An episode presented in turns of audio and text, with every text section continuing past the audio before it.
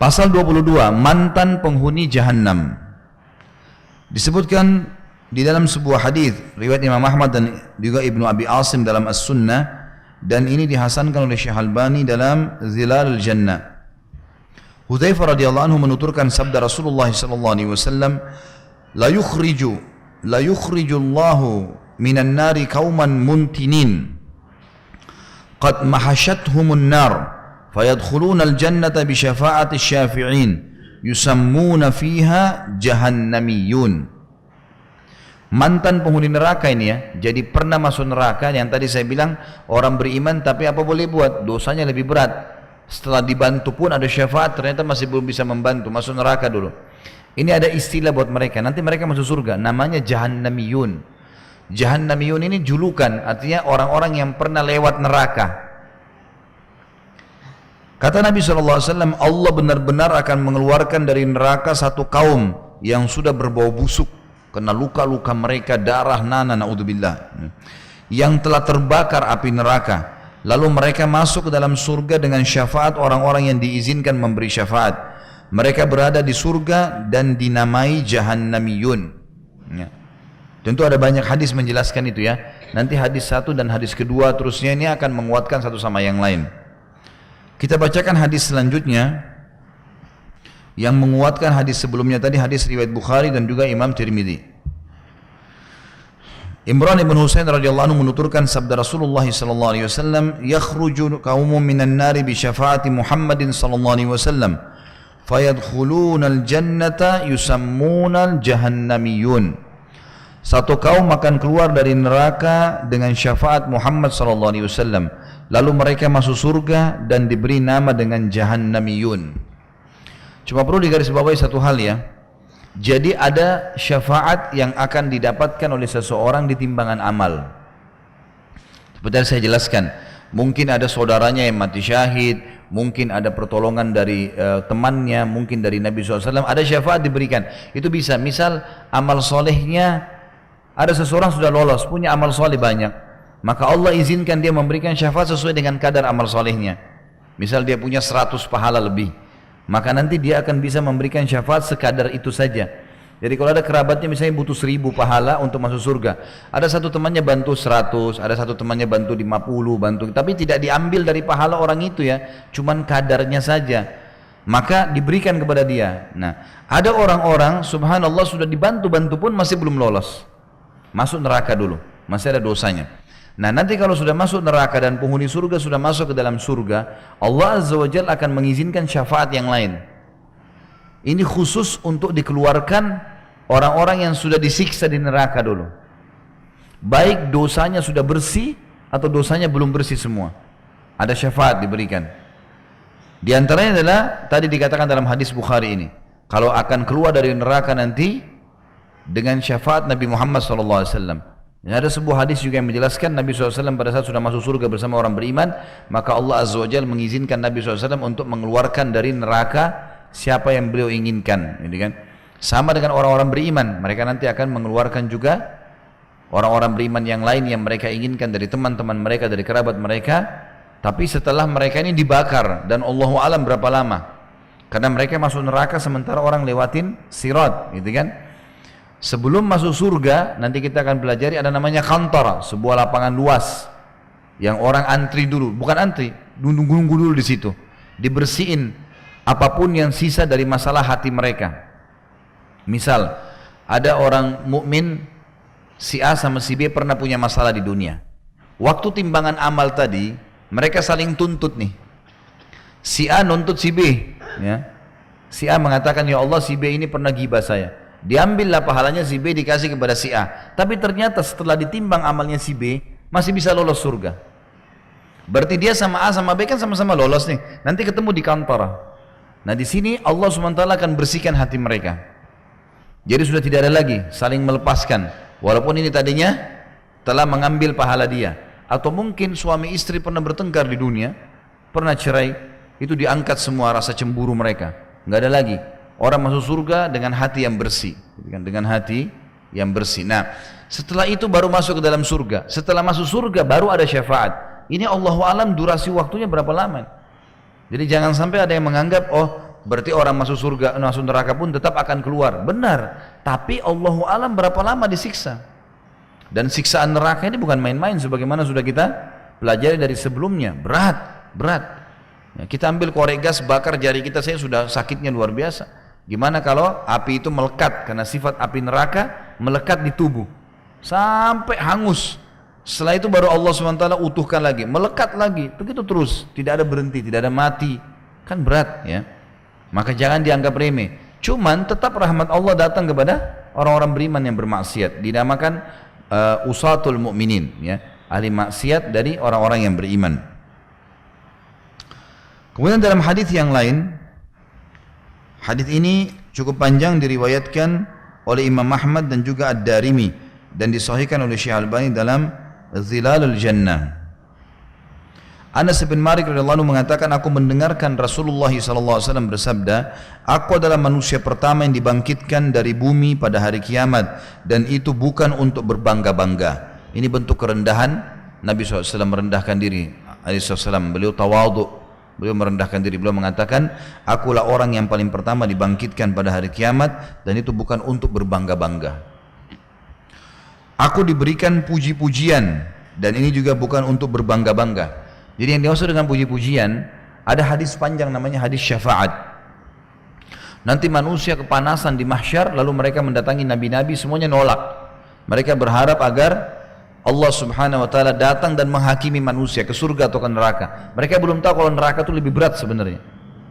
Maka pada saat itu mereka mendatangi Nabi SAW dan mereka mengatakan, Hai Muhammad, kalau Nabi terakhir, dengan mula karena kerasulan dan kalian ditutup, maka mintalah kepada Allah agar diberikan atau datang menghakimi kami, memberikan syafaatnya. Maka Nabi SAW mengatakan, saya pun pergi ke bawah arsh. Kemudian ya, dibukakan dan saya sujud ya, dan dibukakan untuk saya puji-pujian yang belum pernah diberikan kepada orang lain. Sampai terdengar suara mengatakan hai Muhammad angkat kepalamu berikan syafaat kau akan diterima syafaatmu. Tapi makna daripada hadis ini di sini tertulis aku diberi puji-pujian maksudnya itu. Puji-pujian waktu beliau sujud di singgasananya Allah untuk memberikan syafaat kepada manusia. Dan ini bukan juga untuk berbangga-bangga Aku adalah sayyid atau penghulu manusia pada hari kiamat dan ini bukan untuk membangga-banggakan atau dibangga-banggakan. Aku orang pertama yang masuk surga pada hari kiamat dan ini bukan juga untuk dibangga-banggakan atau membangga-banggakan. Aku mendatangi pintu surga seraya memegang pegangannya. Maka mereka bertanya para malaikat, "Siapakah ini?" Aku menjawab, "Aku Muhammad." Mereka pun membukakan pintu untukku. Lalu aku masuk ternyata aku menjumpai Al-Jabbar di hadapanku. Allah Azza wa Jalla. Maka aku bersujud kepadanya. Dia mengatakan, angkat kepala wahai Muhammad, bicaralah. Maka pembicaraanmu didengarkan. Katakanlah, maka perkataanmu akan diterima. Mintalah syafaat, maka syafaatmu akan diperkenankan. Aku pun mengangkat kepalaku, lalu aku mengatakan, umatku, umatku wahai Rabb. Dia mengatakan, pergilah kepada umatmu. Siapa siapa yang kau dapati dalam hatinya terdapat seberat biji gandum keimanan, maka masukkan ia ke dalam surga.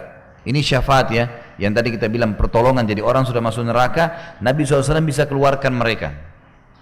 Lalu aku pun pergi, maksudnya pergi ke neraka ya. Nabi SAW ke neraka, siapa yang aku dapati dalam hatinya terdapat seberat itu, seberat tadi dikatakan biji gandum, maka aku masukkan, memasukkan mereka ke dalam surga.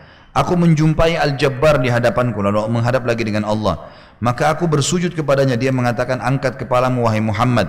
Bicaralah maka pembicaraanmu akan didengarkan. Katakanlah perkata, maka perkataanmu akan diterima. Mintalah syafaat maka syafaatmu akan diperkenankan. Aku pun mengangkat kepalaku lalu aku mengatakan umatku, umatku wahai Rabb. Allah mengatakan, Pergilah kepada umatmu, siapa yang kau dapati dalam hatinya terdapat seberat biji sawi keimanan kalau tadi biji gandum lebih besar, biji sawi lebih lebih kecil lagi, ya. Maka masukkanlah ia ke dalam surga. Aku pun pergi ke neraka. Siapa yang aku dapati dalam hatinya ter, terdapat seberat itu biji sawi lebih kecil dari tadi, maka aku memasukkan mereka ke dalam surga. Setelah Allah selesai mengadili umat manusia dan memasukkan siapa yang masih tersisa dari umatku ke dalam neraka bersama penduduk neraka, maka penduduk neraka mengatakan, tidak bermanfaat bagi kalian bahwa kalian menyembah Allah dan tidak menyekutukannya dengan sesuatu pun. Jadi nanti Orang yang dikeluarkan oleh Nabi SAW adalah orang yang dalam hatinya ada seperti biji gandum. Beras ya, seperti beras. Biji gandum seperti beras. Seperti itu saja dari keimanan dikeluarkan dari neraka. Tapi disiksa dulu tentunya. Setelah itu dikeluarkan lagi seperti biji sawi. Lebih kecil lagi daripada itu. Seperti debu saja ya. Dikeluarkan dari neraka. Tertinggal orang yang dari umat Muhammad SAW masih ada yang imannya tidak seperti itu. Buruk sekali mereka. Lalu penghuni neraka dari orang kafir berkata kepada orang-orang beriman nih, yang tidak ada imannya, imannya tipis sekali. Mereka mengatakan, tidak ada manfaat buat kalian ya, menyembah Allah dan tidak menyekutukannya dengan sesuatu. Artinya kalian juga masuk neraka nih buktinya. Al-Jabbar Allah SWT, Al-Jabbar sifatnya Allah yang maha perkasa ya. Al-Jabbar mengatakan demi keperkasaanku, sungguh aku membebaskan mereka dari neraka. Malah Allah bantah orang-orang kafir dan akhirnya orang yang tadi imannya lebih tipis daripada debu pun itu dikeluarkan oleh Allah SWT. Prosesnya adalah di sini dikatakan demi keperkasaanku sungguh aku membebaskan mereka dari neraka. Lalu dia Allah mengutus para malaikat kepada orang-orang mukmin di neraka tadi untuk mengeluarkan mereka dari neraka dalam keadaan tengah telah hangus. Lalu mereka dimasukkan di sungai kehidupan ini sungai kehidupan ada di tepi surga. Maka mereka tumbuh di dalamnya sebagaimana biji-biji tumbuh di bui aliran dan ditulis di kening mereka mereka adalah orang-orang yang dibebaskan Allah atau utaqaur rahman. Jadi di keningnya ada tulisan karena mereka berhasil lolos dari api neraka. Kemudian mereka dibawa pergi lalu mereka masuk surga maka ahli surga menyebut mereka dengan jahannamiyun mantan penghuni neraka jahanam. Al-Jabbar mengatakan tapi mereka adalah orang-orang yang dibebaskan oleh Al-Jabbar. Hadis ini menjelaskan kepada kita tentang adanya orang-orang yang akan keluar dari neraka nanti ya atau seperti judul kita mantan penghuni neraka.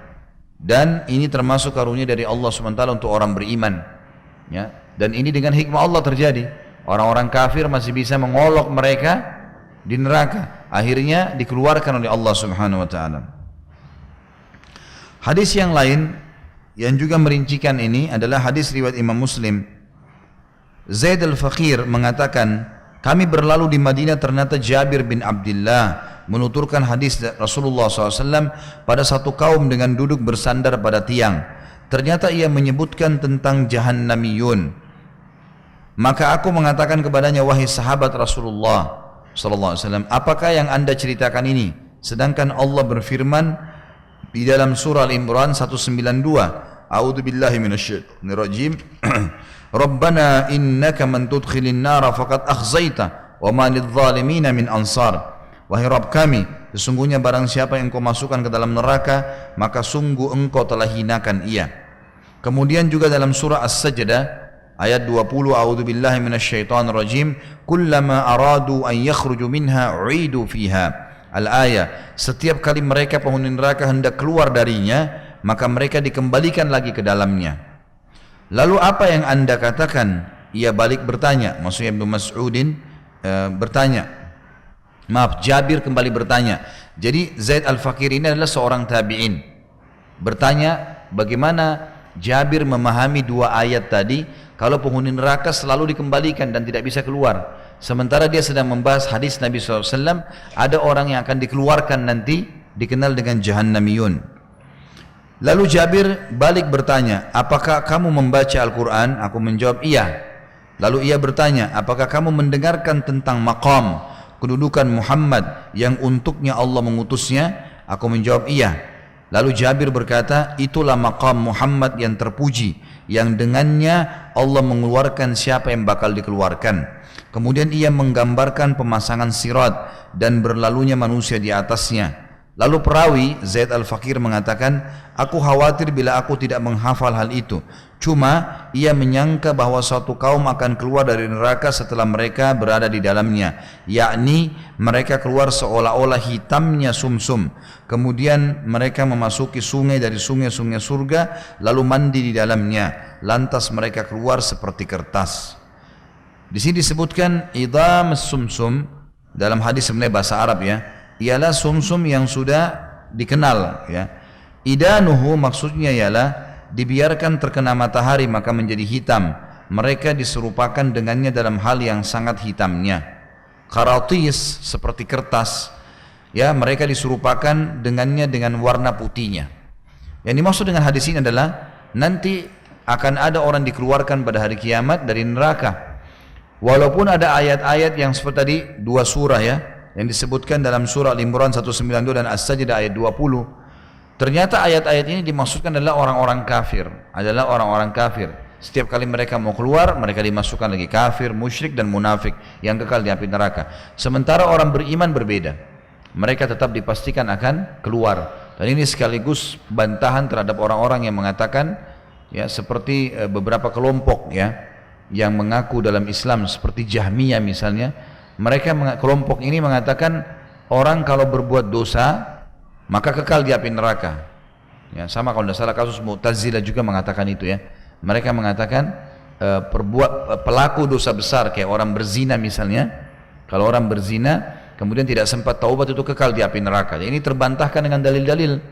Kalau mereka akan keluar, mereka akan keluar. Bahkan ada orang yang pantas masuk ke neraka tapi dikeluarkan oleh Allah Azza wa Dikeluarkan setelah masuk neraka dengan syafaat dari Nabi Muhammad sallallahu alaihi wasallam. Dan ini masuk dalam wa ba'athu maqaman mahmudan allati wa'adta. Dalam doa kita yang kita baca kalau selesai azan ya. Ati muhammadanil wasila. Wasila itu adalah istana di surga yang tertinggi yang diperebutkan oleh para nabi-nabi. Kata Nabi SAW kalau kalian dengarkan muadzin ucapkan seperti yang diucapkan lalu bacalah salawat untukku setelah la ilaha illallah kita baca Allahumma salli ala Muhammadin wa ala ali Muhammadin doa salawat Ibrahim yang kita baca pada saat tahiyat ya. kemudian mintalah wasilah untukku Allahumma rabb hadhihi da'wati tamma was salatil qa'imah ati Muhammadanil wasilah. Ya Allah berikanlah kepada Nabi Muhammad SAW al-wasilah. Wasilah adalah istana di surga yang tertinggi. Kata Nabi SAW, dia adalah istana tertinggi di surga dan tidak layak kecuali untuk satu orang saja. Persaingan para nabi-nabi. Siapa yang meminta wasilah untukku, dia akan mendapatkan syafaatku. Lalu kata Nabi SAW, doa lanjutannya adalah, setelah wasilah, wal fadilah, wa ba'athu maqaman mahmud dan karuniakanlah Nabi SAW maqaman mahmud maqaman mahmud dijelaskan oleh Jabir bin Abdullah dalam hadis ini ternyata adalah syafaat yang diberikan untuk orang-orang beriman agar mereka keluar dari neraka